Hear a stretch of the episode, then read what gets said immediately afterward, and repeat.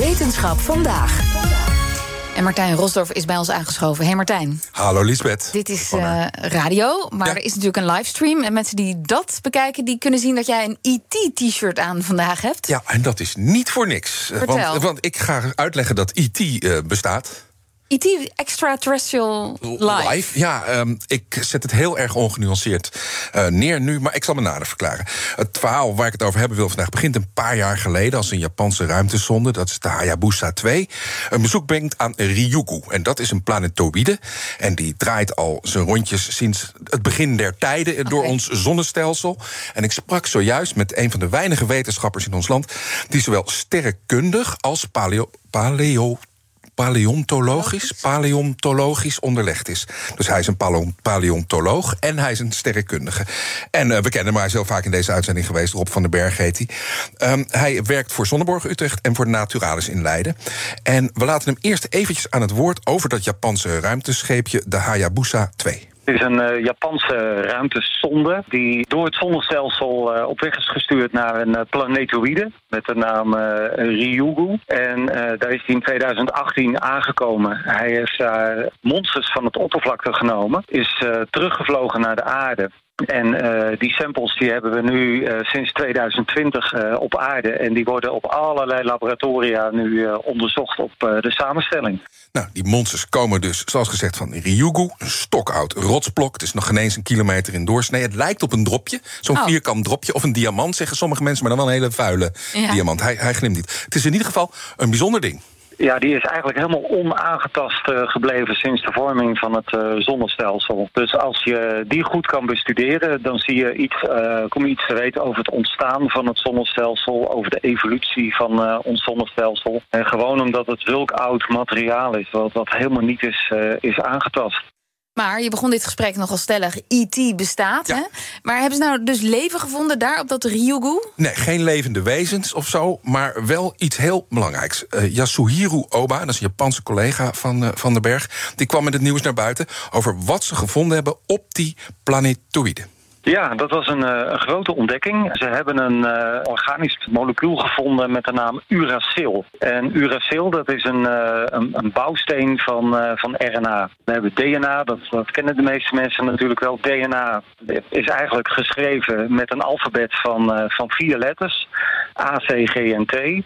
Maar er is een vijfde letter, dat is de U van eh, uracil. Naast DNA hebben we dus ook RNA.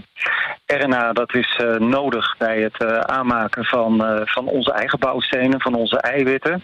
En er wordt vermoed dat dat RNA nog veel ouder is dan, dan DNA. Dus toen het eerste leven op, eh, op aarde ontstond, bevatte dat RNA in plaats van DNA. En ja, het mooie is dat we nu dus één van die letters van het alfabet eh, van het RNA, uracil, op deze planetoïde hebben gevonden. Dus dat, dat materiaal, die bouwsteen van het leven, was daar dus al aanwezig. Maar dus op deze planetoïde, deze ontdekking, dat uracil... betekent dat, dat dat die bouwstenen voor het leven overal zijn? Niet alleen op aarde, maar dus ook in het hele heelal? Nou ja, Rob van den Berg, ruimtevaartdeskundige en paleontoloog... die weet hoe het zit. Nou, dat betekent inderdaad dat die bouwstenen van het leven, dat je die dus eh, zeer waarschijnlijk overal in het heelal eh, zal aantreffen. We, hadden het al eerder gevonden in eh, meteorieten die op aarde waren gevallen, maar daarvan was niet helemaal zeker of die bouwstenen van oorsprong op die meteorieten zaten, of dat het later gevuild is in de atmosfeer of door de mens per ongeluk. Maar dit stukje van deze planetoïde is volledig onaangetast. Het feit dat we het daar vinden zegt ons dus dat het overal in het zonnestelsel voorkomt. En dus waarschijnlijk ook overal in het heelal. Je hoort het. Ja, maar, maar het leven, of dan de bouwstenen voor het leven... zijn overal in het heelal.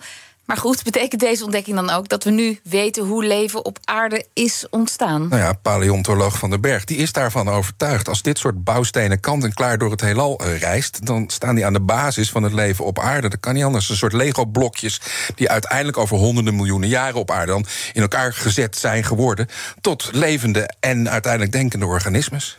Ja, en als dit soort bouwstenen eh, hier op deze planetoïde voorkomen, wat er in ieder geval voor gezorgd heeft dat het leven op aarde mogelijk is, ja, dan ga je natuurlijk fantaseren over, nou, als die bouwstenen overal in het heelal zijn, dan, dan kan dat leven ook nog wel eens op meerdere plekken in het heelal gevormd zijn. Nou, spectaculaire ontdekking durf ik wel te zeggen. Maar goede, on, goed wetenschap, dat is je onderzoek herhalen. Kijken of dezelfde uitkomsten er weer uitkomen. En dat, dames en heren luisteraars, dat gaat gebeuren met dank aan de ruimtesonde Osiris-Rex en een andere planetoïde.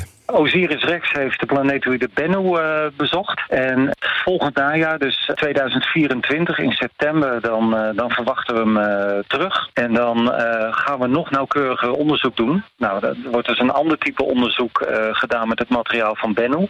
En daar ontdekken we misschien nog wel veel meer organische moleculen. Spannende tijden voor sterrenkundigen en paleontologen.